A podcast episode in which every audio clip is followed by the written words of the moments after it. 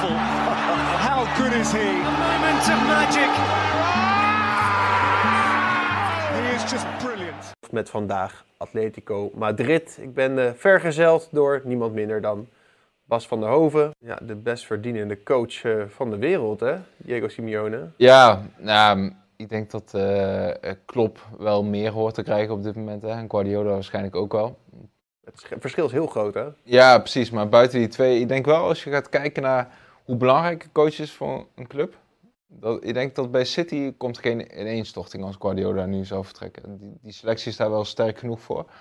Ehm, bij Liverpool geldt misschien wel hetzelfde. Plus Klopp heeft natuurlijk ook veel assistenten die zeg maar, die tactiek eh, voortzetten. Pepijn Leinders. Ja, ja, precies. Die eh, nu, al, nu al af en toe persconferenties mag doen, hè, om het een beetje uit te dragen, eh, de boodschap van Klopp. En Simeone, het is wel een beetje een one-man show hè, bij Atletico. Heel veel eh, ja, valt of staat met Simeone. Schuimbekkend langs de zijlijn. Heb je gezien in welk stadion je zit? Ja, Achter je? het, het Wanda, hè. Wanda Metropolitano. Nou, ik moet zeggen, ik vind het ook wel een van de me- meer geslaagde eh, nieuwe stadions eh, in Europa. Vind het ook schitterend. Het ziet er echt prachtig uit, zeker bij avondwedstrijden met het licht. Hier ook. Wij zitten in de skybox natuurlijk. Ja, ja zeker. Zeker zitten we in de skybox. Lekker. Zullen we meteen op doel beginnen? Ja, Kan er maar één zijn eigenlijk, maar toch hebben ze goede keepers gehad. Ja, Maar precies. Het is geworden, Jan Oblak, hè. ja, Maar was hij goed ook in die wedstrijd tegen Liverpool. Poeh. Absoluut, absoluut. En ja, maar zinnige aankopen. Hè. Ze, ze hebben dat ook wel goed gezien hoor. Want ehm, hij brak natuurlijk door in Slovenië, kon toen al naar verschillende clubs. Maar koos er uiteindelijk voor om naar Benfica te gaan. Werd daar een beetje gezien al, nou, ze hadden toch wel twijfels. Hè. Eh, werd een paar keer verhuurd. Uiteindelijk bij Benfica maar 26 wedstrijden in het eerste gespeeld.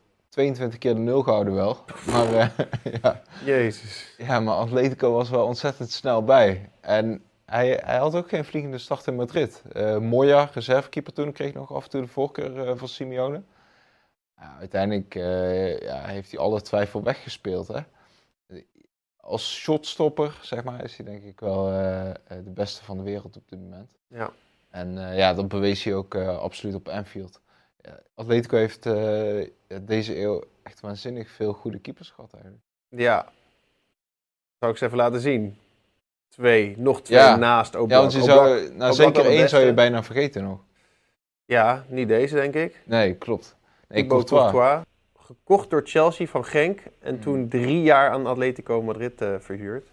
Ja, het was in de tijd dat Chelsea eh, veel kocht, hè. Want ze kochten natuurlijk ook eh, De Bruyne toen, eh, Salah. Veel jongelingen eigenlijk in de hoop dat ze zouden eh, doorgroeien. En met Courtois was er wel een duidelijk plan. Nou, Chelsea had over keepers natuurlijk niet te klagen met eh Tsjech als eerste doelman. En hij werd eigenlijk ja, klaarge... Het was een soort luxe uitleenbeurt. Hè. Hij werd- klaargestoomd bij Atletico Madrid. Nou, je kunt mindere clubs verzinnen om ervaring op te doen. En ja, hij stond er eh, vanaf moment één. Ze hebben zich eh, eh, drie jaar lang geen enkele zorgen hoeven maken om, de keeperspositie. Ik vond bij Atletico wel beter dan bij Chelsea. Nu bij Real heeft hij eindelijk weer zijn niveau van Atletico, vind ik. Ja, zou dat ook te maken hebben met Spaanse voetbal, denk je? Kijk, bij Atletico is natuurlijk wel... Oblak heeft het ook een beetje. Hè? Simeone vraagt, meevoetballend vraagt hij niet heel veel van zijn keepers. Ze mogen best voor de lange bal gaan, dat is geen probleem. En ze worden ook zelden echt onder druk eh, aangespeeld eh, met tikkies terug. Hè? Want Simeone is wat dat betreft een beetje van eh, geen risico. Ja. Ehm, dus ik denk dat dat Courtois met zijn profiel ook wel beter ligt. Zoals dat voor Oblak eigenlijk ook beter is. Andere goede keeper van Atletico Madrid, die het ook niet is geworden in jouw beste elf. Ja, David de Gea, mooi kapsel, ja schitterende foto hè. Ja. Maar wat een keeper ook. Ja, het was een fenomeen hè, toen hij doorkwam. Ja, heel jong Waanzinnig goed. Ja. Op de lijn met name. Ehm, bij Manchester United de laatste jaren wel een beetje veel foutjes voor een topkeeper. Hè? Ja. Het is nog een topkeeper, maar wel veel schoonheidsfoutjes daarvoor. Meer blunders, ja. En ik denk puur op de lijn dat hij nog wel een van de beste is. ja. Maar Courtois en Oblak zijn wel beter. Opvolger van Van der Sar werd dat hè, bij United. Ja, Ferguson, die kwam eh, terug van zijn vakantie voor hem. Klopt, de uitverkorene. Hè? Ja. En eh, het was zo mooi bij die Engelse managers, want ze hielden vaak, eh, of die managers eh, in de Premier League, die hielden vaak afstand. Hè? Trainingen lieten ze leiden door, door een assistenten. Maar als ze dan eenmaal een pareltje zagen, dan wilden ze ook echt ver gaan. Hè? En dan was het voor zo'n jongen was het ook een eer als Ferguson inderdaad speciaal voor hem terugkwam. Ja. Ja, dan hoefde hij niet te twijfelen. Zeker niet. We gaan naar de verdediging. Ja, Echt, echt een mooie jongen.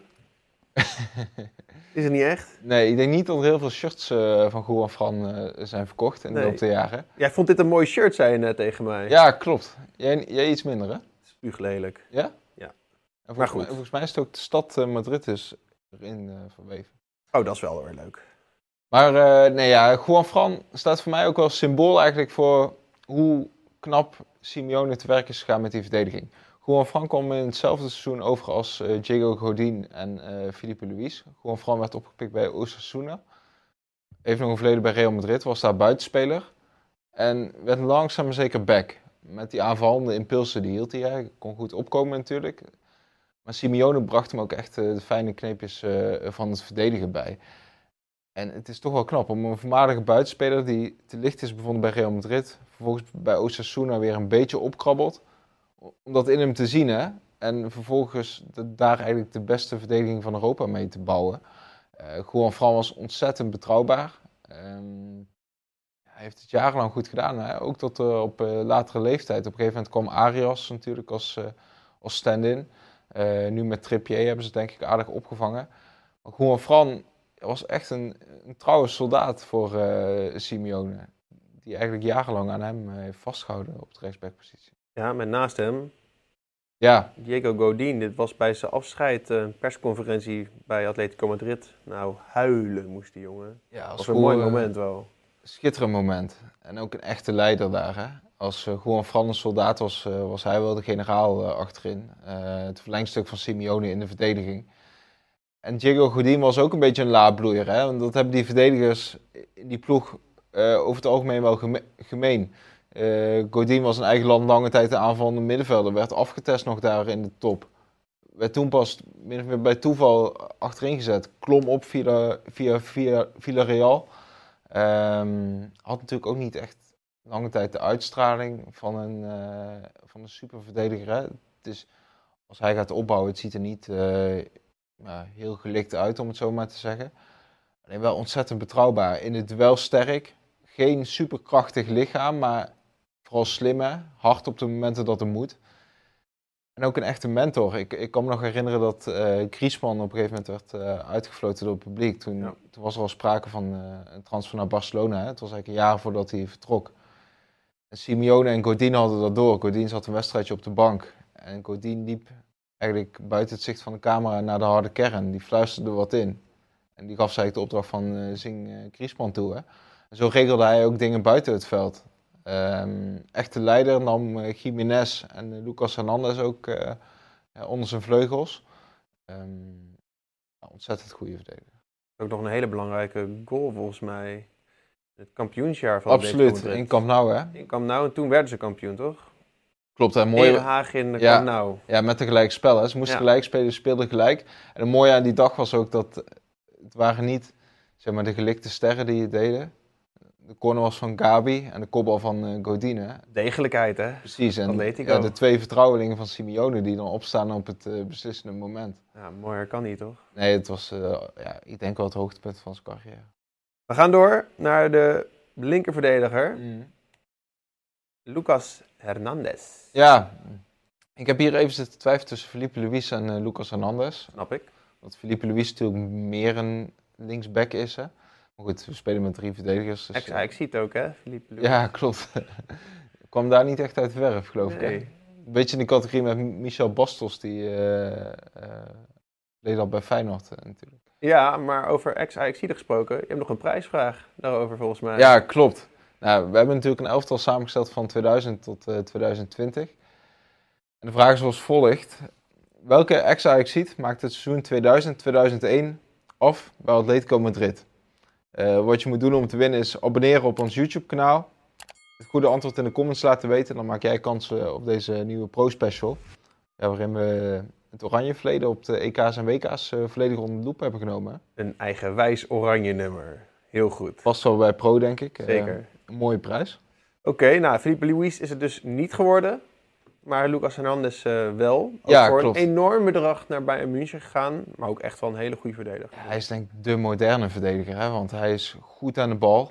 Eh, kan opkomen hè? bij Frankrijk. eh, toen ze het WK wonnen, was hij nog linksback eh, zelfs. Maar ook verdedigend ontzettend goed. Hè? En hij is ook echt een verdediger uit die school van Simeone. Want Simeone is niet, is niet zo scheutig met het geven van kansen aan de jeugd. Hè? Je, je moet echt je plek verdienen. Lucas Hernandez heeft er denk ik ook drie seizoenen over gedaan om een basisplaats eh, te krijgen uiteindelijk.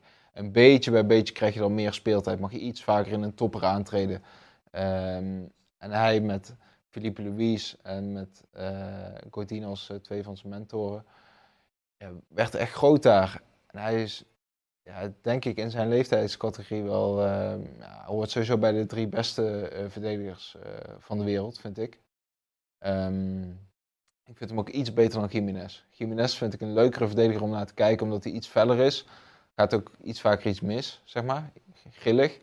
En Lucas Hernandez, het ziet er allemaal ja, wat mooier uit en het is wat fijner. Hij is technisch goed waanzinnige verdediger. En zijn vader uh, speelde ook nog uh, voor Atletico, hè? Echt een voetbalfamilie. Zijn broer ook, toch? Ja, klopt. Theo, ja. Bij AC Milan. Theo Hernandez is een beetje een bad boy, hè? Die, uh, die, werd, die zat ook bij Atletico, werd verhuurd aan Alaves. Deed daar ontzettend goed. Als ja, een soort stoomwals dendelde hij telkens naar voren op de linksbackpositie. Um, kwam hij terug bij Atletico en toen werd hij al weggekocht door Real Madrid. Maakte het daar nooit echt waar. En ja, nu bij AC Milan, hè? Ja. We naar je middenveld gaan? Beginnen we met de gekke Turk. Ja. Fantastische speler Ja. wel. Knettergek wel. Dit doet je ook wel een beetje denken aan het oudere Atletico, hè? Ja, maar hij was zo goed, jongen, bij eh ja, de supertovenaar hè, in het eh kampioensjaar. Sokjes een beetje naar beneden. Nummer 10 Ja. op zijn shirt.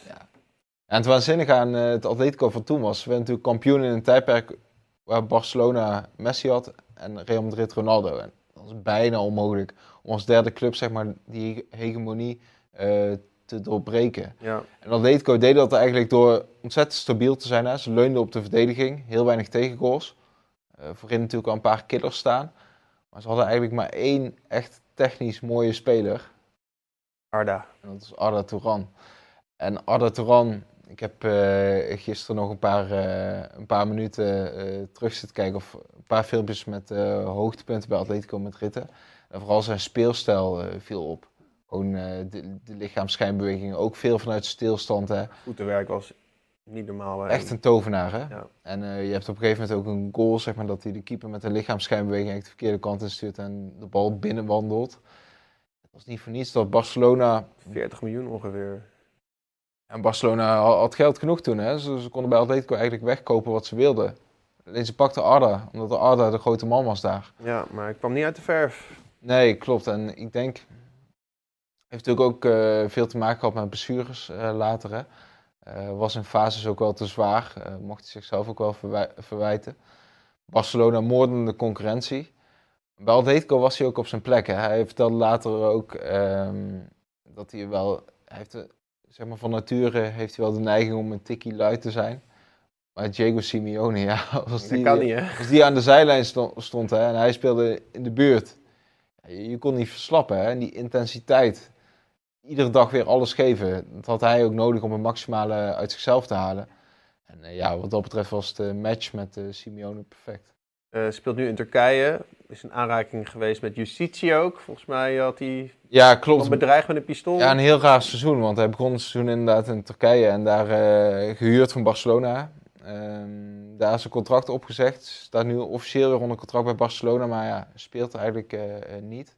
Eigenlijk een, ja, een verdwenen voetballer. Ja, jammer. Ontzettend zonde, want het is niet zo lang geleden hè, dat hij echt Europese top was. 2014 eh, ja. was zijn jaar. Goed, dan gaan we naar de volgende. En dat is Kok, hè? Ja, de nieuwe Mr. Atletico, hè? Ja, met Saúl samen, denk ik. Oh, ja. Uit, eh, uit Vallecas, echt de arbeidersbuurt in Madrid. Eh past wat dat betreft qua persoonlijkheid ook eh, ja, perfect bij die club eigenlijk. Hè? Het is meer een Atletico-speler dan een Real-speler, ook qua uitstraling. Ehm, en op deze leeftijd, hij is geloof ik 28. En hij heeft al meer dan 400 wedstrijden voor Atletico gespeeld. Natuurlijk een waanzinnig totaal. Hij werd op zijn 17 al bij het eerste elftal gehaald. Stond toen te, te boek als toptalent. En bijzonder aan Koken was eigenlijk dat in Spanje kwamen toen heel veel echte spelmakers door. Hè? Een beetje de types eh, Iniesta, Isco. Eh, fysiek minder sterk, maar super technisch. En hij heeft wel van alles wat. Hè? Hij is eh, fysiek ook sterk, heel veel loopvermogen, kan ook controlerend spelen. Ik vind hem ontzettend goed. En Ik heb een mindere versie van Xavi. Een stuk minder. Ja. Wel, wel een hele goede speler, maar... Ja, klopt. Ik denk wel dat hij met zijn spel ook goed in de Premier League zou passen. Om, hij brengt de fysieke kracht ook met zich mee. Eh, goede traptechniek. Alleen het nadeel is een beetje, hij is nu de nieuwe leider geworden van Atletico. Hè, ook na het eh, vertrek van Gabi en eh Godin. Het niveau is natuurlijk een beetje teruggevallen, ook met het eh, eh, vertrek van eh Griezmann. En nu rust er wel erg veel druk op zijn schouders. Hij werd begin dit seizoen ook een paar keer uitgefloten. Want hij dan eigenlijk een beetje ja, het boegbeeld is van het vernieuwde Atletico. En ik weet niet of hij eh, helemaal met die eh, druk eh, om kan gaan. Ja, dat is lastig. Hij heeft de aanvoerdersband hierom, dat is hij nu ook. Ja. Wie dat vroeger was, natuurlijk voor hem. Gabi. Ja, en dat was het bijzondere aan Atletico. Hè? Atletico speelde underdog voetbal. Hè? Ze lieten de bal vaak aan, de tegenstander en waren ook goed als eh, de tegenstander dominant wilde zijn hè? met die counters. En ze vonden het ook niet erg om op 20 meter van het, eh, het doel te verdedigen. Maar ze hadden ook echt underdog voetballers. Veel laadbloeiers. We hadden het al over Juan Fran, Godin. En Gabi was er absoluut ook één. Eh, komt uit de jeugdopleiding van Atletico Madrid. En werd daar in de weg gezeten door zijn latere coach. Die voorkwam eigenlijk dat hij kon doorbreken. En hij werd verhuurd aan eh, Getafe. Speelde later nog bij eh, Zaragoza. Degradeerde met Zaragoza. Hielp ze weer om, terug. Het is wel een trouwe speler. Hè? Later ook Atletico altijd trouw gebleven. En ja, toen zag Atletico van ja, we hebben wel een fout gemaakt om hem te laten gaan. Hij werd teruggehaald. En ja, door Simeone werd hij, voor Simeone werd hij eigenlijk de belangrijkste Dat speler. stond altijd erin. Precies. Als Altijd- eerste, denk ik. Op de altijd die ruimte voor de verdediging bespelen. Hè? Zorgen dat die Atletico, als je Atletico zag verdedigen, het bijzondere was eigenlijk dat het elftal bewoog als een geheel. Hè? De linies vielen nooit uit elkaar. Er kwam nooit meer dan 10 meter ruimte. En dat was zo goed ingetraind. En alle spelers waren zich daar wel bewust van. Maar als het dan dreigde mis te gaan in het veld, hield hij de boel bij elkaar. Ontzettend slim. Wel een beetje het slachtoffer van de luxe van zijn generatie. Want hij heeft geen enkele interland gespeeld voor Spanje. Eh, ja, wat denk ik toch heel bijzonder is. Eh, Met zijn kwaliteit twee keer Champions League finale gehaald. Ehm, maar ja, met Xavi, Fabregas, Busquets. Ja, succes. Het is natuurlijk, ja, precies. Het is natuurlijk ook wel waanzinnig lastig. Alleen ja, Mister, eh Mister Atletico. Ja, je zei het al. Hij had last van een, eh, een speler toen hij doorbrak, die nu coach is. Die heb je niet in je elftal gedaan. Nee. Niet, niet als speler tenminste, maar Diego Simeone, dat was een beest, jongen. Ja, die een was, nare eh, speler om tegen te spelen. Die was wel wat verder eh, dan Gabi, hè? Even fel als hij... Nou, ik denk dat hij misschien wel feller is langs de zijlijn, maar op het Ja, veld was hij ook echt een beest. En oh, nare overtredingen, praten tegen de scheidsrechter, bloed onder je nagels halen die vandaan. Het was natuurlijk ook wel mooi, hè? want eh, inderdaad met zijn karakter, hij werd wel opgemerkt. Hè? De meest markante figuur in de kleedkamer. Dus toen Atletico eh, Simeone aanstelde als coach, hè, Simeone had al in Argentinië ervaring opgedaan als coach. Maar ze wisten wel exact wat ze binnenhaalden. En het mooie is dat hij zijn stijl als speler eh, zeg maar ook echt heeft overgebracht op zijn team. Als je Simeone tegen Zi- Zidane ziet spelen, met Atletico tegen Real, dan zie je eigenlijk ook de coaches nog als het ware spelen. Ja. eh, qua instelling.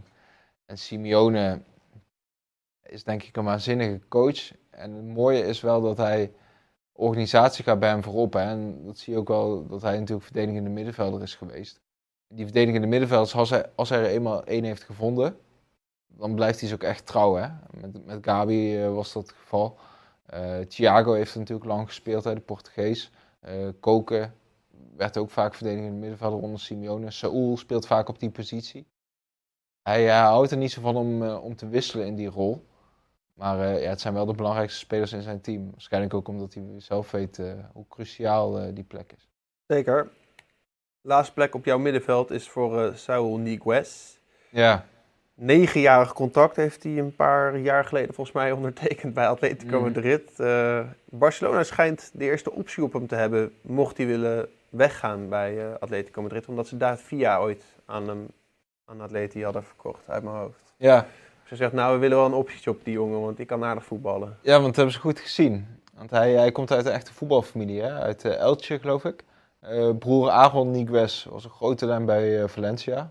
Maar hij bleek uiteindelijk de beste. En van Gabi Koken, zeg maar, dat rijtje vind ik qua puur talent ook wel de beste speler. Want ik denk dat, ga maar na, in iedere club in Europa nu op dit moment zou Saúl denk ik een baasplaats verdienen. Maar het is een hele goede speler. Ook omdat het zo veelzijdig is, hè? want hij kan als aanvallende middenvelder spelen, als dynamische middenvelder, als controleur. Simeone gebruikt hem zelfs ooit als linksback als het nodig is. Maakt mooie goals ook vaak, jongen. En vaak belangrijke goals. Hè? Op de- Bij München weet ik nog wel, die solo. Ja. Oeh. Ja, ja, op die grote Champions League avonden stond hij vaak op. Hè?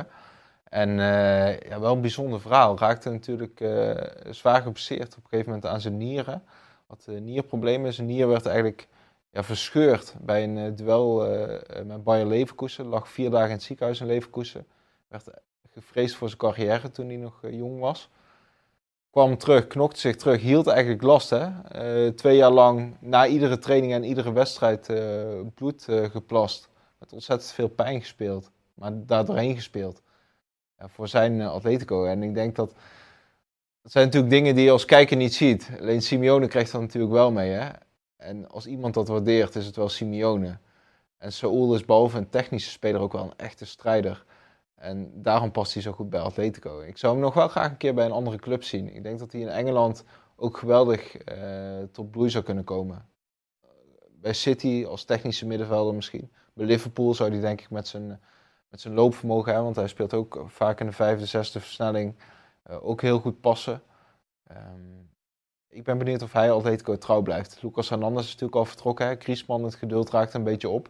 Op een gegeven moment is het ook wel de vraag van, ja, wil je nog dat verdedigende voetbal, wil je dat blijven spelen of wil je een keer... Die drillinstructeur langs de zij, uh, zijlijn. Word je ook gek van na een tijdje. Maar hij zit er al negen jaar, Simeone. Ja, precies. En Zoals ik... jij baas hier zitten. Kom op, Bas, video maken, ja. pro-stuk schrijven. Ik zou ja. gek worden. Ja, dat houden we geen negen jaar vol, toch? Nee. Nee, nee klopt. Het zegt ook wel iets over de karakter uh, van die jongen. Hè? Uh, alleen ik denk eerlijk gezegd dat hij nog wel een keer zijn geluk gaat beproeven in het uh, buitenland. Uh, Atletico staat natuurlijk bekend als een hele verdedigende ploeg. Als je zo verdedigend speelt, moet je Ja. natuurlijk wel echt parels van aanvallers hebben om het verschil te maken. Nou, dat heeft Atletico Madrid ook gehad de laatste jaren. Wat een aanvallers, hé. Ik We heb er, geen er zes geselecteerd, Ja. waarvan er drie in het elftal hebben gezeten. Ja. Maar eigenlijk hadden ze er allemaal in kunnen staan, toch? ja, klopt. Naar de eerste gaan. Is goed, is goed. Diego Forlan. Ja, bij Atletico heeft hij zijn beste periode gehad, hè? Ja, United volledig mislukt. Villarreal ging hij daarna volgens mij naartoe en toen naar Atletico Madrid. Volgens mij later weer terugkeert bij Villarreal. Ja. Ja, nee. Topscorer geworden van de Primera Division zelfs. Ja, paste daar ook goed, hè? Want bij, eigenlijk zag je bij Atletico pas, nou bij Villarreal ook wel een beetje, maar bij Atletico zag je pas wat ze bij Manchester United in hem hadden gezien, ja, hè? ja. En eh ja, werd daar wel een echte killer.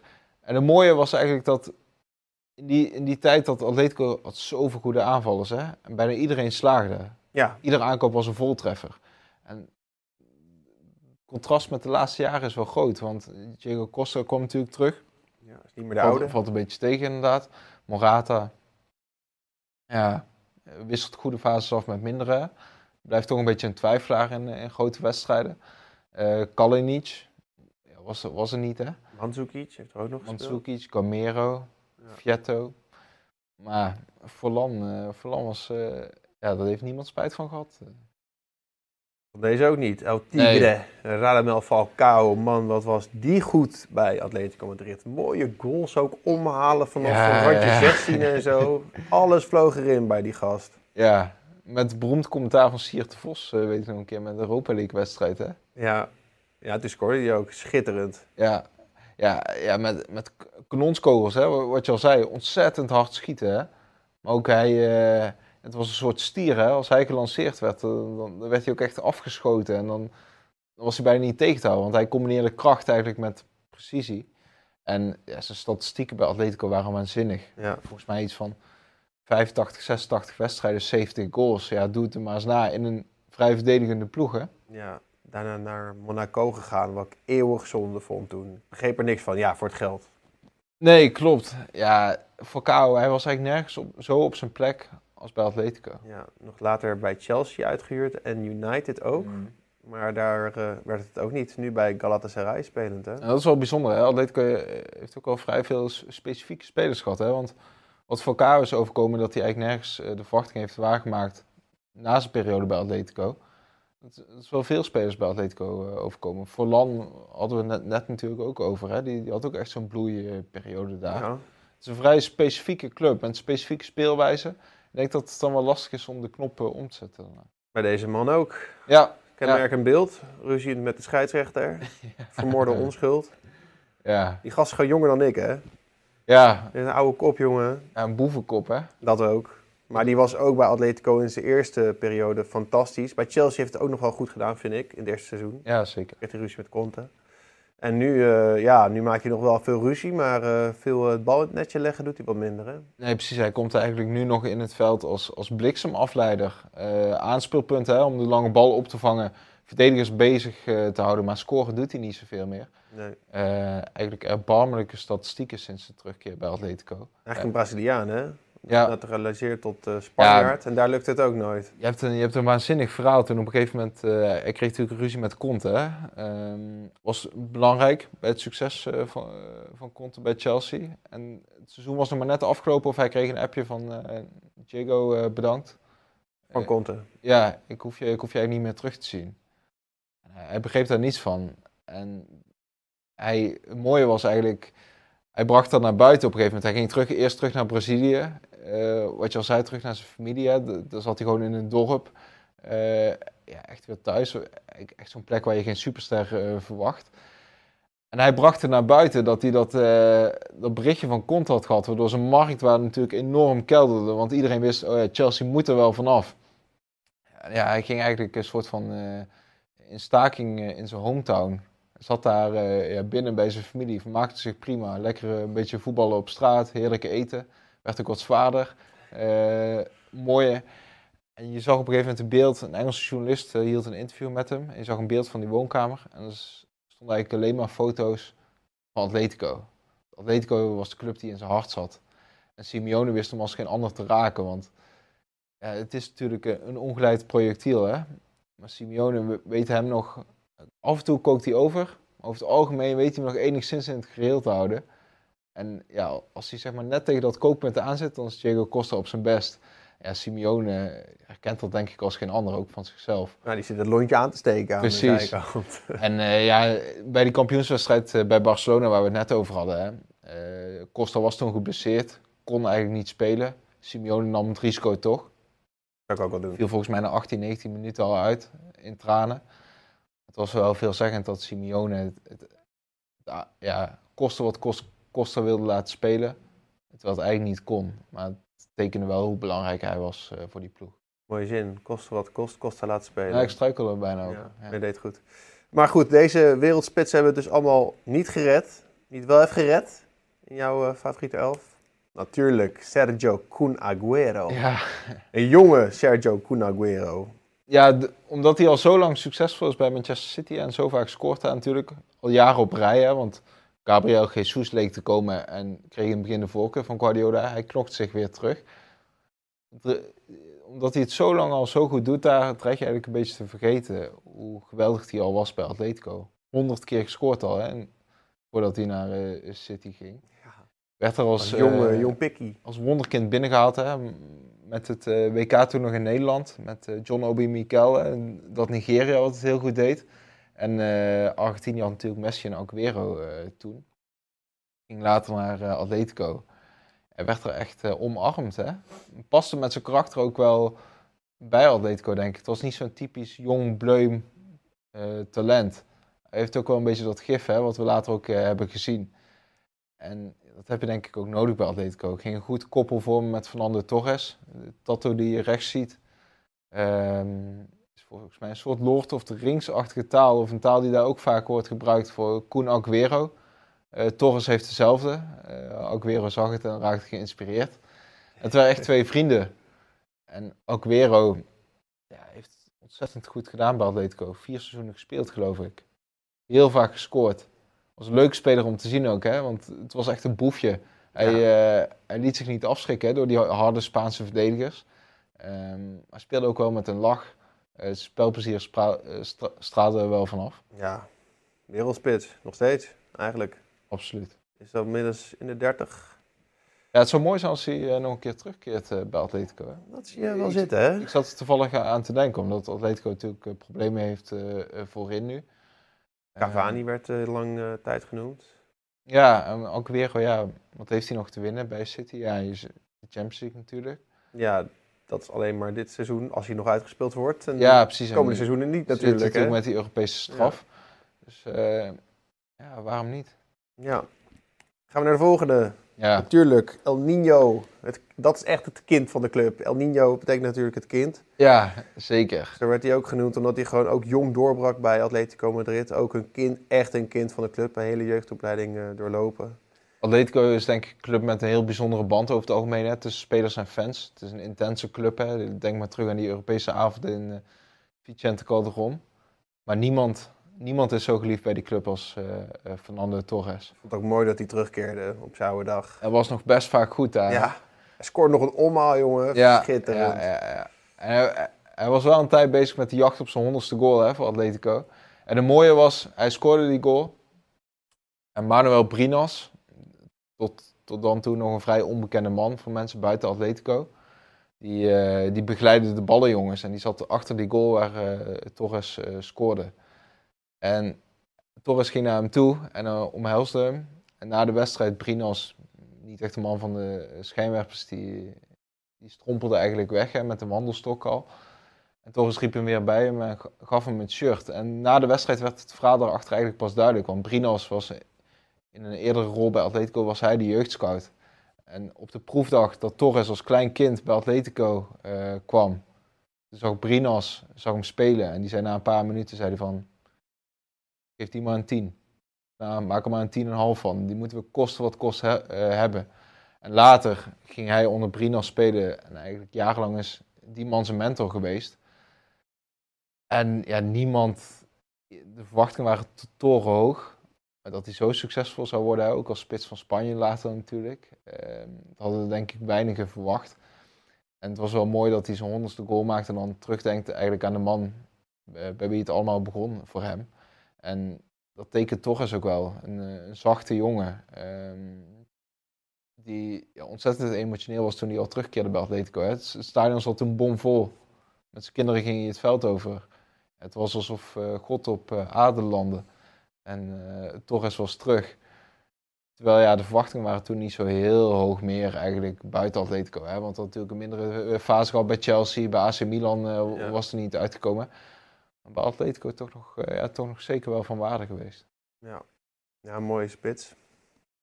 En was er ook, was ook een jongen die groot was al toen het minder ging hè, met Atletico. Gedegradeerd nog met de club. Ja, maar hij schoot ze aan- uit alle hoeken en standen binnen. Net als bij Liverpool. Daarna nooit meer echt, helaas. Dan gaan we naar een man eh, die eerst naar Barça zou gaan. Toen in een documentaire liet zeggen dat hij eh, toch de, trup, de club eh, eh, trouw bleef. En toen ineens volgend jaar toch weer ging en nu totaal niet uit de ver komt bij Barcelona. Maar wat was hij goed, jongen, bij eh, Atletico. Ja. Antoine Griezmann natuurlijk. En het bijzondere was eigenlijk, vond ik, als je, dat het zo goed was als je zijn takenpakket zag, zeg maar. Eh, we hebben wel eens een artikel geschreven dat hij eigenlijk de beste verdediger van Europa was. hij moest zoveel verdedigende arbeid doen. Als je naar het aantal ballen wat hij veroverde ging kijken en zo, en de duels die hij won, dan kwam hij bijna aan Casemiro-achtige statistieken. Hij was een soort verdedigende middenvelder in de aanval. En toch lukt het hem om in balbezit ook te excelleren. Eh, die bijzondere acties te blijven maken met zijn dribbles. En toen hij werd gehaald bij Atletico was het... Hij, is lang buitenspeler geweest, hè. En zo, kwam hij ook nog een beetje binnen bij Atletico. Vanaf Real Sociedad eh, kwam hij af natuurlijk. En Simeone maakt er echt een schaduwspits van. Eentje die ontzettend intelligent de ruimtes kan bespelen. Ik denk wel eh, ja, voor zijn vertrek naar Barcelona de beste schaduwspits van de wereld. Ook bij, ook bij Frankrijk, hè. Ja. Die aanval... koppel, ja, precies, met Mbappé die vanaf de flank een beetje komt. Met Giroud als aanspeelpunt. En Griezmann is denk ik vooral een ontzettend intelligente speler. Heel goed eh, oog voor de ruimte, goede trap met links, snelheid. En Simeone heeft er wel een heel complete aanvaller van gemaakt. Hij is minder dribbelaar geworden. Wel iemand die eh, ja, echt leeft voor die paar momenten die hij kreeg eh, in een wedstrijd bij Atletico. En je vroeg je altijd af van hoe zou het gaan als Griezmann bij een echt aanvallende zou spelen. Hè? Ja, je zou denken heel goed. Precies, aan wat voor statistieken zou die dan wel niet komen? Maar ja, de keuze voor Barcelona pakt tot nu toe ontzettend ongelukkig uit. Eh, van zijn vertrek heeft hij eigenlijk ook een soort soap gemaakt, letterlijk. Ehm, het is hem ook niet in dank eh, afgenomen. Wel zonde. Ja. Ik denk dat hij daarmee ook een beetje die supersterrenstatus, zoals Neymar, eh, Messi, Ronaldo wilde bereiken. Misschien qua prestaties kwam hij zeker wel in de buurt van Neymar. Alleen hij is, werd toch altijd een treden eh, minder hoog ingeschat. Ja. Ehm, maar het is hem niet in dank afgenomen en het is een beetje tegen hem gaan werken zelfs. Ja, ja, het is jammer dat het er niet uitkomt bij Barcelona, want het is, eh, het is een mooie speler. Je zou denken, dat past wel prima bij Barça. Slim, in de ruimte inderdaad ook, goede paas. Ja, zeker, zeker. En ja, was, hij, was hij maar bij Atletico gebleven, hè? dan met de investeringen erbij nog, hadden ze een nieuwe aanval op de top kunnen doen. Was hij nog altijd de grote man. Ik snap wel dat hij wilde proeven hoe het bij Barcelona is. Eh, ik kan me voorstellen dat het voor veel aanvallers een droom is om met Messi eh, samen te spelen. Maar hij, hij gaat wel een beetje kopje onder in de schaduw van Messi. Ja. Dat was hem, eh, Bas, want Simeone is natuurlijk gewoon de trainer. Ja, kan er maar één zijn, El Cholo. Ja, El Cholo, ja. Ik kan hem nog even opzoeken. Heb hem helaas alleen als speler. Maar daar is hij, El Cholo, de gek. Ja, hij liet. Hij, hij straalt het ook in alles uit. Hè? Hij wil dat, dat gevoel van strijden tot de laatste minuut, zeg maar, wil hij. Iedere dag wil hij dat overbrengen op zijn spelers. En het begint al ieder seizoen met eh, waanzinnige sessies. Dan gaan ze ergens in, op platteland in Spanje, eh, gaan ze bij een golfresort. En dan heeft hij zijn conditietrainer, die laat hij eh, ook zijn, zijn oude conditietrainer. Borgas is dat? Die gek? Ook Nee, eh, Mono Burgos. Oh ja. eh, nee, Ortega heet hij geloof ik. El Prove, de professor. En die laat hij zijn spelers dan onder handen nemen. Nou, dat is twee weken lang beurswerk. Die, die spelers die lopen en Is die geen bal waarschijnlijk? nee, tot, ko- tot kotsen aan toe. Hè? En die gaan dan zo diep al in het seizoen. Maar goed, later in, later in het jaar hebben ze daar profijt van. En hij altijd in die zwarte pakken. Hè? Eh, het is een soort eh, godvader. Hè? Ja. Ook eh, die teksten die hij op zijn dugout op een gegeven moment laat drukken in het Spaans stond er dan: speel iedere wedstrijd alsof het je laatste is. En ja, dat straalt hij ook iedere minuut van de wedstrijd uit. Mooi event. Absoluut. Dankjewel Bas voor jouw beste elf van Atletico Madrid. Jongens, bedankt voor het kijken in ieder geval en tot de volgende. Is he? moment of magic.